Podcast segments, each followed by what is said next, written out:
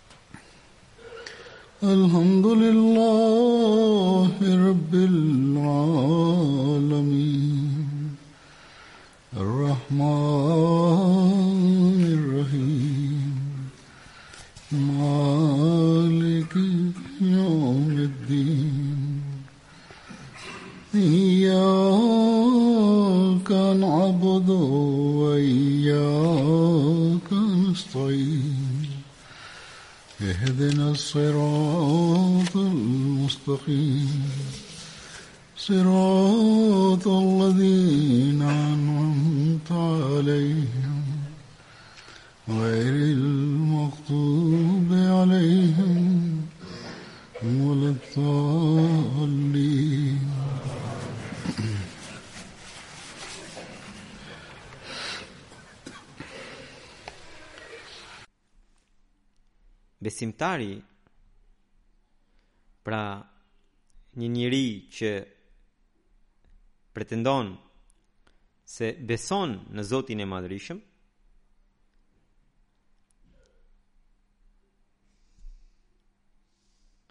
Gjithnjë duhet ta ketë parasysh porosinë e Zotit të Madhërishëm, që Ai na ka krijuar për adhurimin e Tij, siç thotë, wa ma khalaktu l'xhinna wal insa, illa li ja'budun.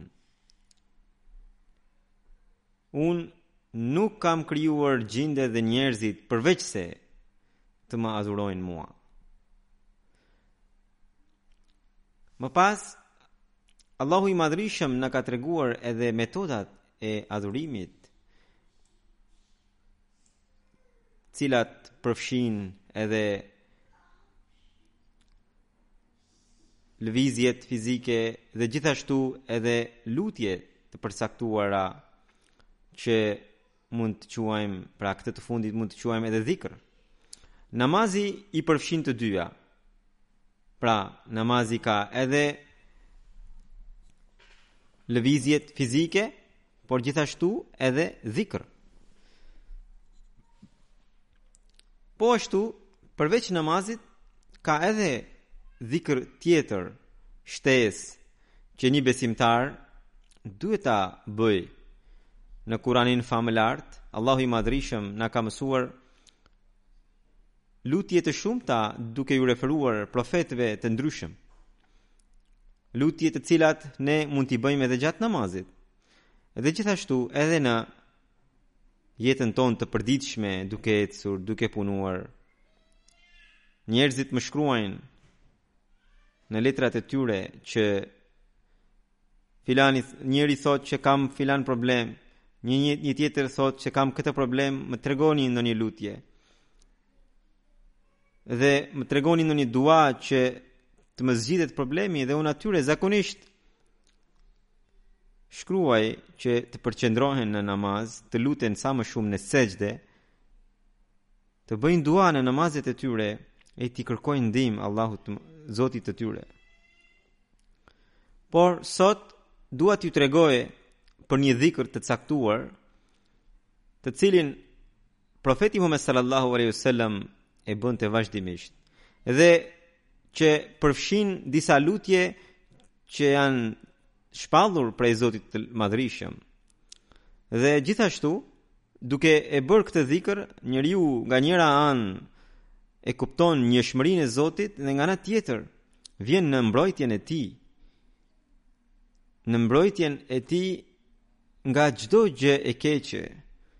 I dërguari i Allahut sallallahu alaihi wasallam jo vetëm që e bënte vazhdimisht para se të flinte Këtë dhikr gjithashtu i porosiste dhe sahabët që ta bënin. Dhe në shumë vende ai ka treguar rëndësinë e këtyre lutjeve dhe bek, dhe dobinë e tyre. Për sa i përket praktikës së profetit Muhammed sallallahu alaihi wasallam thuhet në një rrëfim që i dërguari i Allahut sallallahu alaihi wasallam para se të flinte çdo natë para se të flinte thoshte ajetin El Kursi pastaj suratul Ikhlas, suratul Falaq dhe suratul Nas tre herë dhe më pas frynte duart dhe e fërkonte trupin me to nga koka derisa i shkonin duart. Dhe këtë punë Profeti sallallahu alaihi wasallam bënte çdo natë para se të flinte. Dhe kjo pra u bë praktika e tij. Dhe këtë çdo musliman duhet ta bëjë. Ne, sidomos, që na ka porositur Shërbëtori i Muhamedit sallallahu alaihi wasallam, Mesihu i premtuar alaihi salatu wasalam, ne kemi e, ne duhet të bëjmë përpjekje të veçantë për ta realizuar këtë praktikë, sidomos në këtë situatë që po kalojmë. Ne duhet të angazhohemi në lutje, në dhikr dhe në namazet sidomos në këtë situatë dhe jo vetëm për çështjet tona shpirtërore, besimie dhe personale, por edhe për t'u mbrojtur nga fitnet brenda xhamatit, nga armiqtë e Islamit. Dhe këtë duhet ta kuptojmë sikur, si një rëndësi, si një detyrë parësore. Ne shikojmë rëndësinë e këtyre lutjeve edhe në hadithet e tjera, për sa i përket ajetit El Kursi, për këtë ju kam treguar para dy gjumave, sot,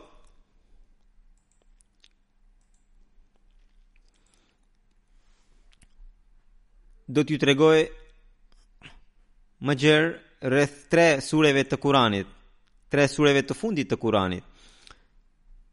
se si i dërguari i Allahut sallallahu alaihi wasallam vazhdimisht dhe në mënyra të ndryshme u ka treguar sahabëve që t'i lexonin, t'i mësonin këto sure.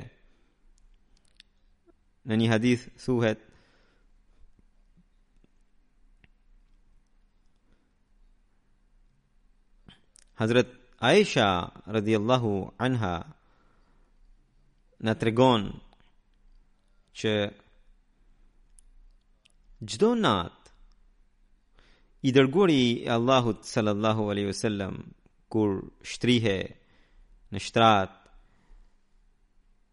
bashkonte duart dhe bënte këto dua kul huwallahu ahad kul a'udhu bi rabbil falaq dhe kul a'udhu bi rabbin nas dhe i frynte dhe më pas duart i fërkonte me trupin dhe e fillonte nga koka pastaj fytyrën dhe pastaj gjersa i shkonin duart e bënte dhe këtë gjë e bënte tri herë Hazret Aisha radhiyallahu anha tregon se i dërguri i Allahut sallallahu alaihi wasallam ishte kaq i rregullt në këtë praktikë saqë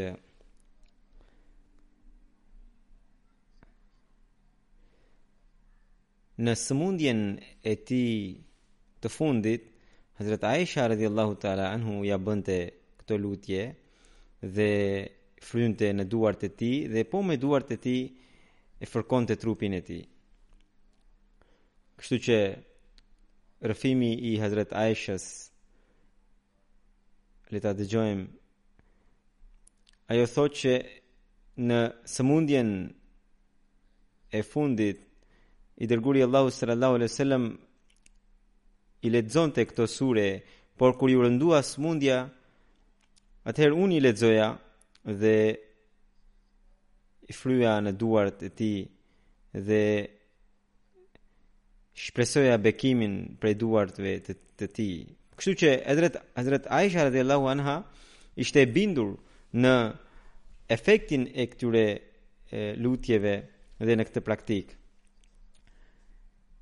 Se si i dërguri Allahu sallallahu alaihi wasallam u mësoi sahabëve rëndësinë e këtyre lutjeve, Në lidhje me këtë, Hazrat Uqba bin Amir radhiyallahu anhu tregon që një herë unë e takova të dërguarin e Allahut sallallahu alaihi wasallam dhe ai më kapi për dore dhe më tha: "O Uqba bin Amir, a të tregoj tre suret më të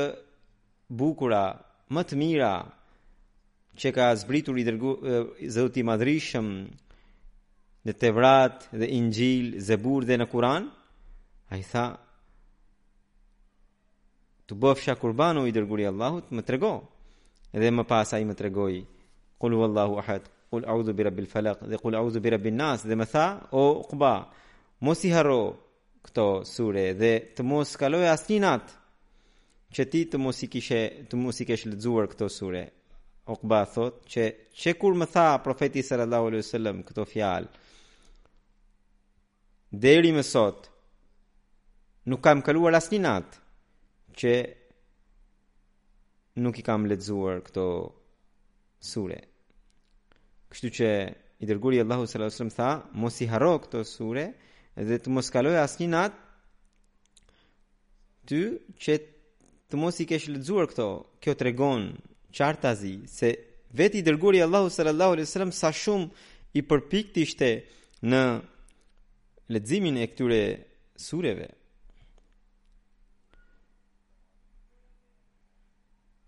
Ai ishte më i përpikti për t'i zbatuar porositë e Allahut, për t'i bërë lutjet e tij dhe pas asaj ai ua thoshte edhe sahabëve.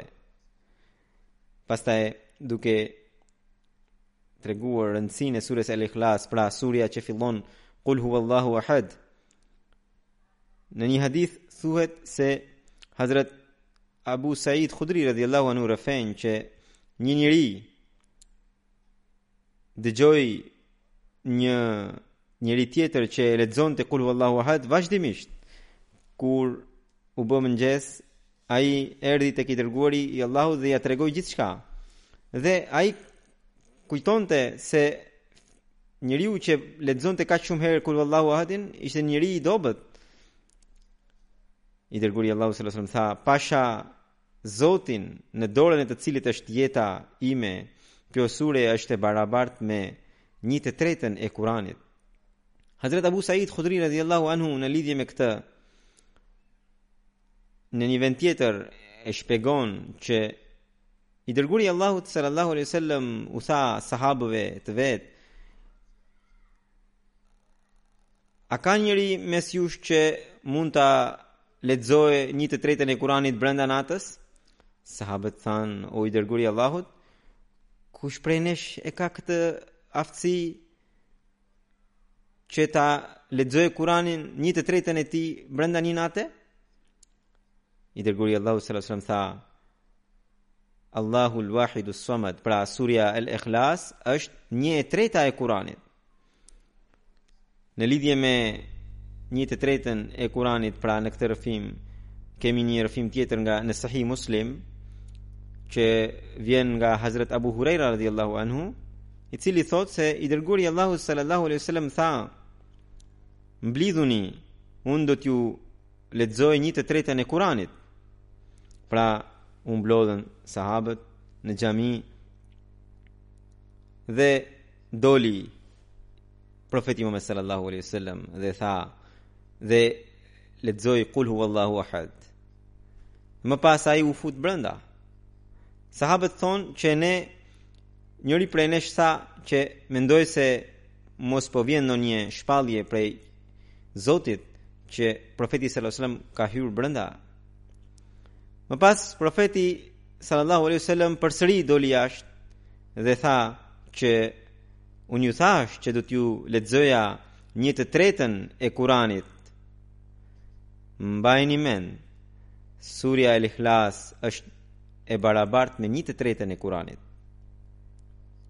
Përse i dërguari i Allahut sallallahu alaihi wasallam thoshte se kjo është një e treta e Kuranit, sepse Allahu i Madhërishëm ka zbritur Kuranin për të provuar njëshmërinë e tij, unitetin e tij, edhe për ta vendosur atë, dhe pikërisht kjo sure e shpalos këtë temë me, një, me fjalë shumë të përsosura Edhe e vendos njëshmërinë e tij ndaj ai që thellohet në fjalët e kësaj sureje e kupton njëshmërinë e vërtetë të zotit dhe duke e kuptuar që kurani është zoti i zotit të vetëm përpiqet ta zbatojë atë dhe në këtë mënyrë do të vendoset në bindje ndaj njëshmërisë së Zotit dhe do të përpiqet maksimalisht për t'i zbatuar porositë e Kuranit. Kështu që nuk duhet të kuptosh vetëm që unë ja e lexova surën Al-Ikhlas, edhe e kam përfunduar një të tretën e Kuranit. Po kuptimi i kësaj thënieje është që ta kuptoni këtë sure dhe të vendoseni në besimin ndaj njëshmërisë së Zotit. Po ashtu ka rrëfime të tjera, ka ajete të ndryshme për të cilat profeti sallallahu alaihi wasallam tha për secilë cilën pjesë prej tyre, kjo është një e katërta e Kuranit, kjo është një e katërta, kjo është një e katërta, kjo është një e katërta. Nëse ne i mbledhim ato ajete, atëherë del që vetëm me ato pak ajete Duke i lexuar ato pak ajete ne mund të pretendojmë që e kemi lexuar gjithë Kur'anin. Ndërkohë profeti sallallahu alejhi ue sellem nuk e ka këtë kuptim. Por e ka që e, ne t'i zbatojmë ato ajete dhe të thellohemi në ato ajete. Dhe vetëm atëherë do të kemi dëshirë edhe ta lexojmë gjithë Kur'anin. Çfarë është Kur'ani famëlartë? Kur'ani Famëlartë vjen për të vendosur njëshmërinë e Zotit dhe për këtë çdo njeri duhet të përpiqet dhe duhet të lutet për të. Pastaj një rrëfim tjetër që vjen nga Hazrat Aisha radhiyallahu anha, ajo thotë që i dërguari i Allahut sallallahu alaihi wasallam caktoi një njeri emir të një ushtrie dhe dërgoi për një beteje. Dhe ai për natë ua udhëhiqte namazin ushtarëve dhe çdo namaz, çdo rekat e mbyllte me kul huwallahu ahadin. Kur sahabët u kthyen i thanë të dërguarit të Allahut sallallahu alajhi wasallam kështu kështu bënte ai tha që pyeteni atë se përse e bënte sahabët e pyetën dhe ai tha që E e bëj kështu sepse këtu kemi atributet e Zotit, të Rahman, dhe prandaj më pëlqen. I dërguari i Allahut sallallahu alaihi wasallam tha: "Thuini atij njeriu që edhe Allahu e do shumë atë." Pastaj në Buhari kemi rrëfimin e Hazret Enesit radhiyallahu anhu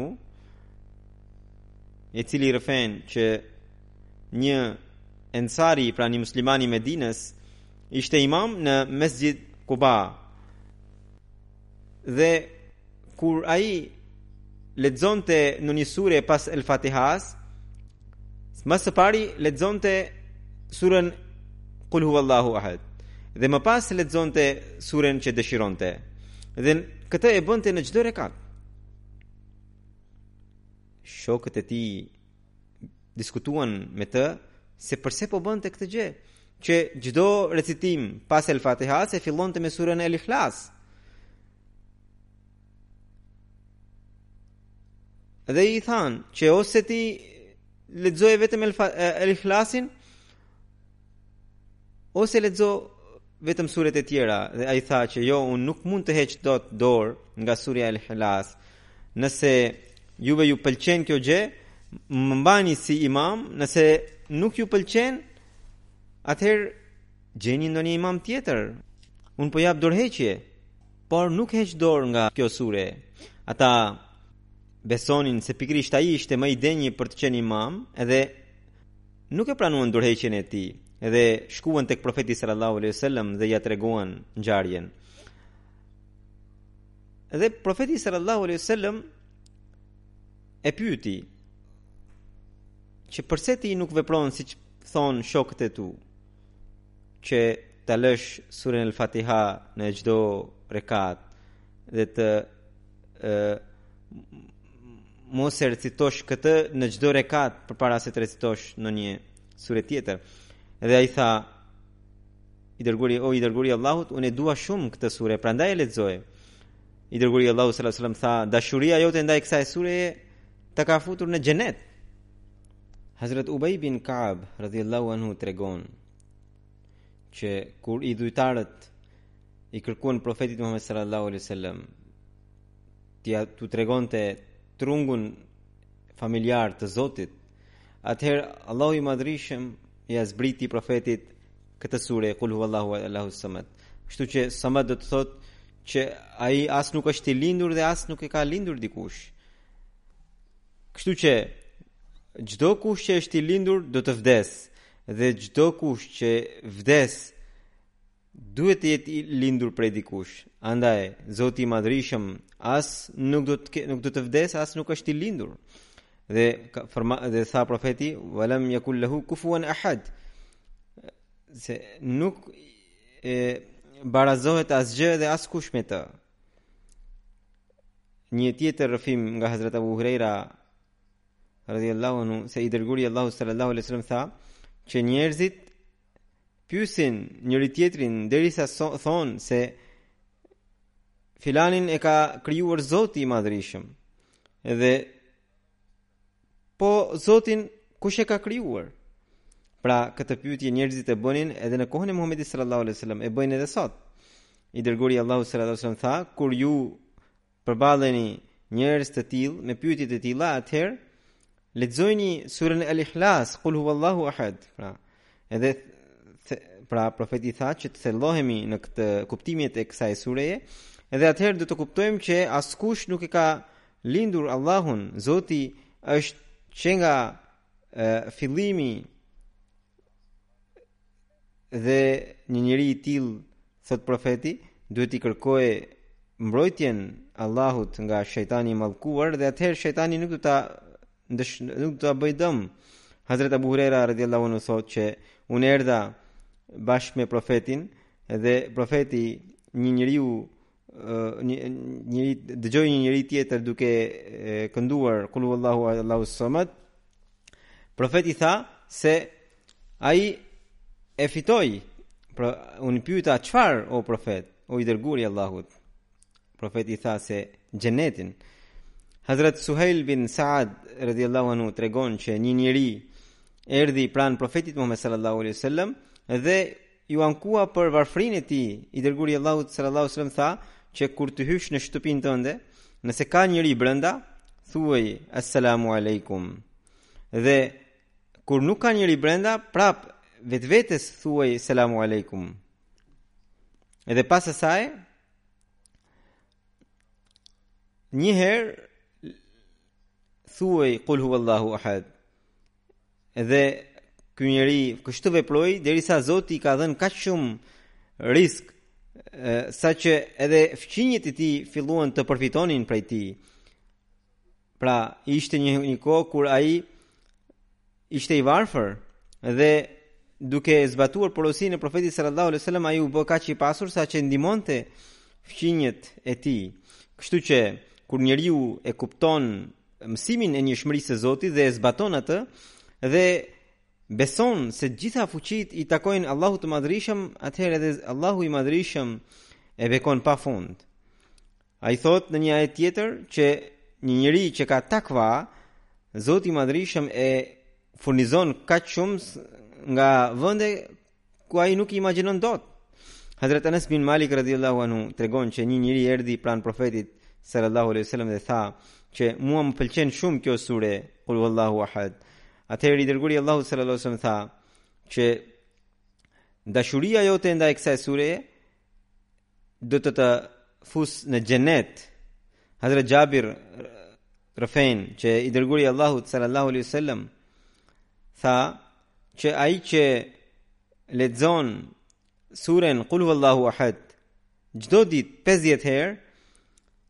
Ditën e Kiametit atij do t'i bëhet një thirrje, "Çohu dhe hyr në xhenet."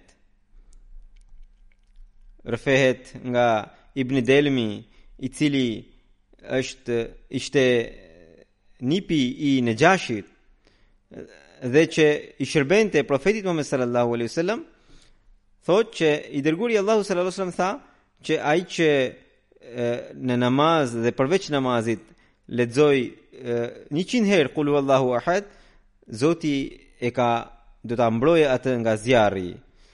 Kështu që kjo është rëndësia e sures Al-Ikhlas. Dhe kur ne ta lexojmë këtë gjatë natës, Duhet ta kemi parasysh njëshmërinë dhe unitetin e Zotit të Madhërishëm, kur themi se Allahu i Madhërishëm është i vetëm, atëherë duhet ta kemi parasysh pozitën e tij të qenët Samed. Samed është ai që nuk ka nevojë për askë askënd dhe që nuk shkatërrohet kurrë. Hazret Mesihu i Premtuar alejhi salatu ues selam duke e treguar këtë thotë që kuptimi i Samedit është që përveç atij të gjithë të gjitha gjërat janë lindur dhe do dhe janë të destinuar të asgjësohen. Por Allahu i Madhërishëm është ajo që një që është Samed. Njerëzit mendojnë që Samed do të thotë është i vetëmjaftueshëm. Vetëmjaftueshmëria e tij është që ai as nuk mund të shkatërrohet, Dhe as dikush tjetër mund të lindë që do t'i përngjasojë. Kështu që ky është ai Zoti ynë që do të jetë nga fillimi dhe që do të qëndrojë përgjithmonë. Zoti i Madhërishëm që nga fillimi është i njëjtë në atributet e tij. Askush nuk barazohet me të. Çdo grimcë merr jetë prej tij dhe ai bekon çdo gjë.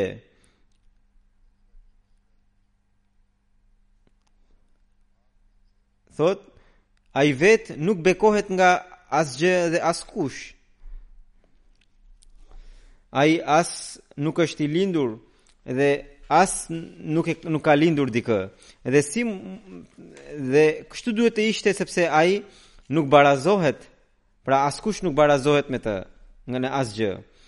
Kurani i famëlartë vazhdimisht duke na treguar madhështinë e Zotit, njëshmërinë e Zotit, tha që shikojni, ky është Zoti juaj që është i madh dhe nuk është si zota të tjerë që janë të dobët dhe që kanë pak fuqi, siç pretendojnë ata. Në lidhje me zbritjen e këtyre tre sureve, Hazrat Uqba bin Amir radhiyallahu anhu tregon që i dërguari i Allahut sallallahu alaihi wasallam tha që mbrëm më kanë zbritur ajete të cilat kurrë nuk i kisha parë më përpara dhe ato janë kul huwallahu ahad dhe kul auzu bi rabbil falaq dhe kul auzu bi rabbin nas më pas në hadithe për këto tre sure ka përmendet rëndësia rëndësia e tyre Hazrat Uqba bin Amir Juhani tregon që një herë isha pra po shoqëroja profetin Muhammed sallallahu alaihi wasallam në një udhëtim për një betejë Unë i kisha kapur gojëzën e, e, e devesë së profetit dhe profeti tha, o Uqba, lexo, unë e mbaja veshin tek profeti, më pas profeti prapë më tha, lexoje, pastaj profeti më tha për të tretën herë, atëherë i thashë, çfarë duhet të lexoj o profet i Allahut?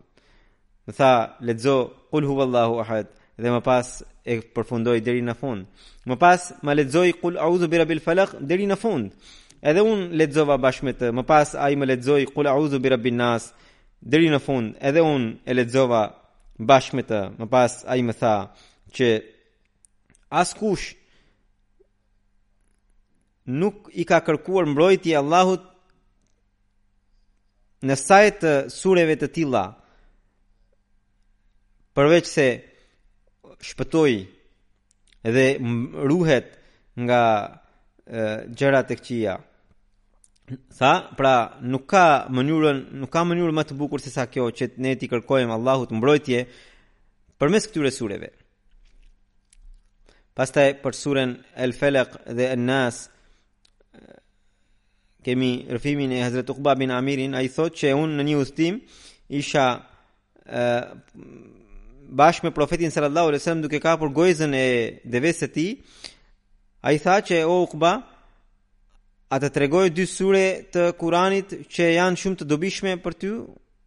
I thashë, po i dërguari i Allahut, më tha, më mësoi, kul auzu bi rabbil falak dhe kul auzu bi rabbin nas.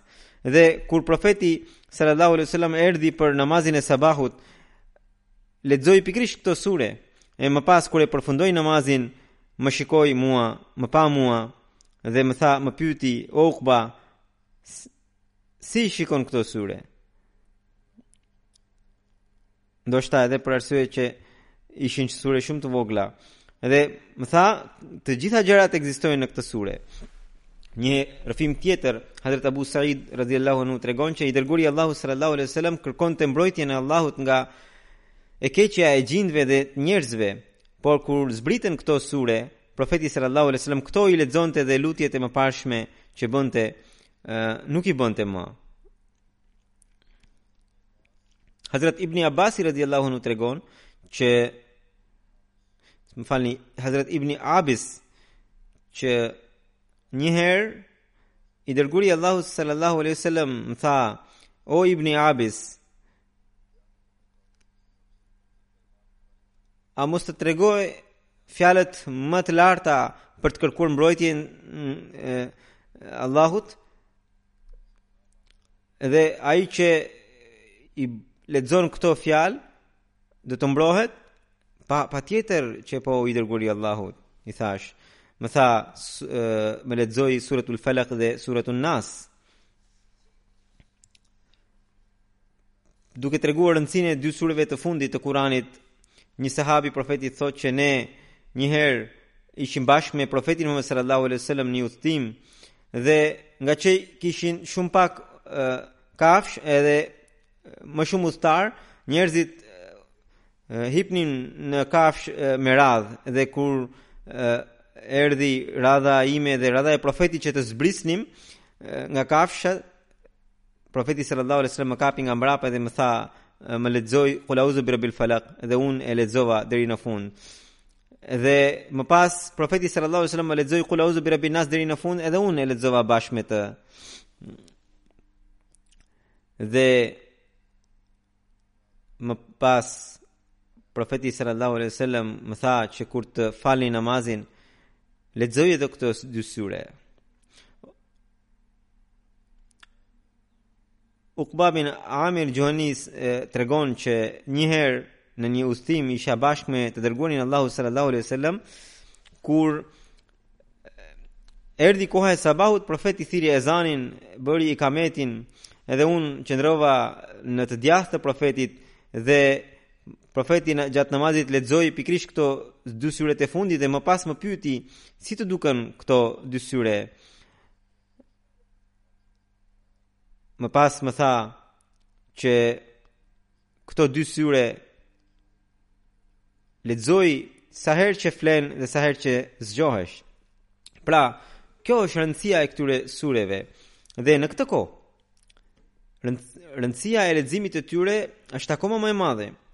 Edhe për çështjet personale që të përparojmë shpirtërisht që të mbrohemi nga djalli, nga sulmet e tij dhe gjithashtu edhe për xhamatin, për sulmet që i bëhen islamit nga armiqtë e tij, sidomos në këtë kohë, Islami po sulmohet nga forcat kundërshtare armiqësore ndaj Islamit dhe nga ana tjetër të ashtuquajtur dijetarët muslimanë kanë krijuar një katrahurë në emër të Islamit dhe shkaktuan ngatërresa të shumta. Lide dijetarët të ashtuquajtur muslimanë ngërmojnë popullin e thjeshtë kundër Mesihut të premtuar alayhis salam dhe kështu po i japin akoma më shumë mundësi kundër kundërshtarëve të Islamit dhe gjithashtu nga ana tjetër kemi edhe ateizmin shumë të përhapur në botë dhe duke treguar këtë gjë Hazrat Mesihu i premtuar alayhis salatu salam një në një vend thotë që ju që do të bëheni shënjestër e armiqve të Mesihut të premtuar të duhet të luteni që kërkojmë mbrojtjen e Allahut nga sherri i krijesave që janë shërgjin të brendshëm edhe të jashtëm dhe nga e, sunduesi i agimit sepse Zoti është ai që do të na agojë ditën dhe këtu bëhet fjalë për agimin shpirtëror që do të vinte bashkë me ardhjen e Mesihut dhe të t'i luteni Allahut që unë kërkoj mbrojtjen e Allahut nga nata e errët. Kjo është ajo natë që do të vinte për shkak të mohimit të Mesihut të premtuar. Pra, nga njëra anë kemi armiqtë e Islamit, nga ana tjetër kemi të ashtuquajtur dijetarë muslimanë që nuk dëshirojnë të kuptojnë gabimin e tyre dhe nxisin njerëzit kundër Mesihut të premtuar alayhis salatu wasalam, sidomos në Pakistan në këtë situatë, Ahmedianët kanë shumë nevojë që të bëjnë këtë lutje. Hazrat Mesihu i premtuar alayhis salatu wasalam thotë që në surën El Felek Allahu na mësoi që të kërkojmë mbrojtjen e Allahut nga Sherri i natës së errët, edhe ky sherr në fakt është i kohës së Mesihut të premtuar, që do të vinte për shkak të mohimit të tij. Dhe për këtë arsye Zoti na ka mësuar këtë lutje. Mjerisht, sot muslimanët janë në një gjendje për të ardhur keq. Pavarësisht se Zoti u ka u ka mësuar një lutje dhe u ka mësuar një lutje për të ardhur në mbrojtje nga uh, errësira që do të vinte pas dritës. Dhe profeti sallallahu alaihi wasallam kaq në mënyrë të përsëritur u ka i ka porositur që ta bënin këtë lutje, por muslimanët mjerisht nuk e e zbatuan këtë porosi.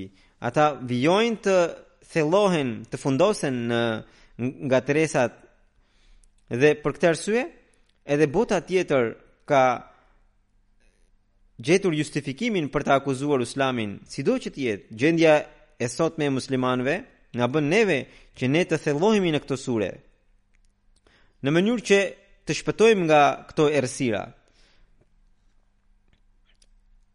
Sherrin nefathati fil uqad, domethënë nga e keqja e atyre që fryn në nyjet,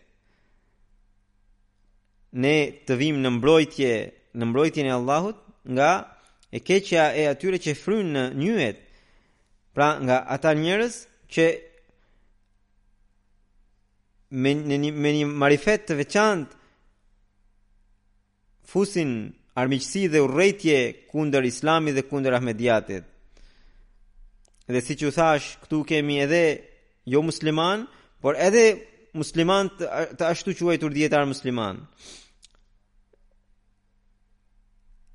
Njëra palë bën intriga për shkak të kundërshtimit të fesë, edhe pala tjetër po e bën për shkak të se ka devijuar nga Islami Edhe që të dy janë në atë grup për të cilin Allahu i Madhërishëm thotë që të ruhemi nga sherri i atyre që fryjnë në nyjet. Më pas në suren An-Nas, Allahu i Madhërishëm na ka mësuar të qenit e tij Rab, zot dhe malik, pra sundues dhe i adhruar i vërtetë. Dhe duke i kuptuar këto cilësi të Allahut ne të vijmë në mbrojtjen e Allahut. Në këtë kohë ateizmi është shumë i përhapur dhe materializmi kaq shumë e ka ë mbërthyer botën saqë edhe të rinjtë bien në kurthin e tij andaj kur ne e bëjmë këtë dua për veten tonë njëkohësisht t'i fryjmë edhe fëmijët tanë në mënyrë që edhe ata të vijnë të mbrojtur nga sulmet e djallit të jenë të vendosur në besimin ndaj Allahut të Madhërishëm dhe njëshmërisë së Zotit Allahu bëftë që çdokush nga ne të kuptojë siç duhet këto sure ta zbatojë porosinë e Profetit sallallahu alaihi wasallam, ne të kemi të qartë temën e njëshmërisë së Zotit, ne asnjëherë të mos e, përulemi para askujt për përveç Zotit të Madhërishëm dhe vetëm Zotin e Madhërishëm ta besojmë si burim i çdo të mire dhe askënd tjetër jo. Ne të besojmë që burimi i çdo drite është Zoti i Madhërishëm, burimi i çdo bekimi është pikërisht ai. Edhe për t'u mbrojtur nga sherri i krijesave, ne të përulemi para Allahut. Në vend që të përulemi para krijesave, Hazrat ne atë dritë që kemi përfituar duke pranuar Hazrat Mesihun e Premtuar Alayhi Salatu Selam, i, i cili është Hija e vërtetë e profetit sallallahu alaihi wasallam, Allahu na bëftë që ne të tregohemi të qëndrueshëm dhe asnjëherë të mos vërtitemi në errësira dhe gjithashtu Allahu i madhërishëm që na ka dhënë bekimin e kalifatit, ne të jemi gjithmonë të lidhur me të. Allahu i madhërishëm gjithnjë të na mbajë nën mbrojtjen e tij nga çdo sherr, daç i besim që vjen në besim, daç që vjen në botën materiale. Gjithnjë të besojmë se Allahu i madhërishëm është Allah Zoti ynë dhe rritësi dhe mbrojtësi ynë. Ne Zotin e madhërishëm të besojmë si mbretin e mbretërve dhe të kemi besim të palëkundur në sundimin e tij.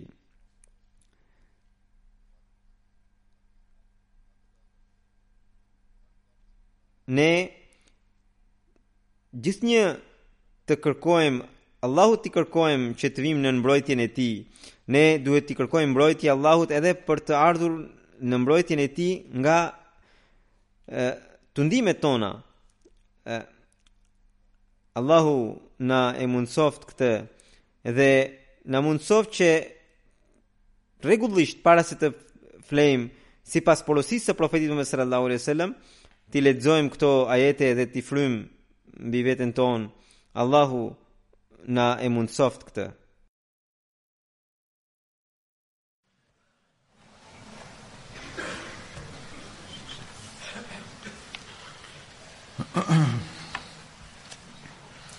الحمد لله الحمد لله نحمده ونستعينه ونستغفره ونؤمن به ونتوكل عليه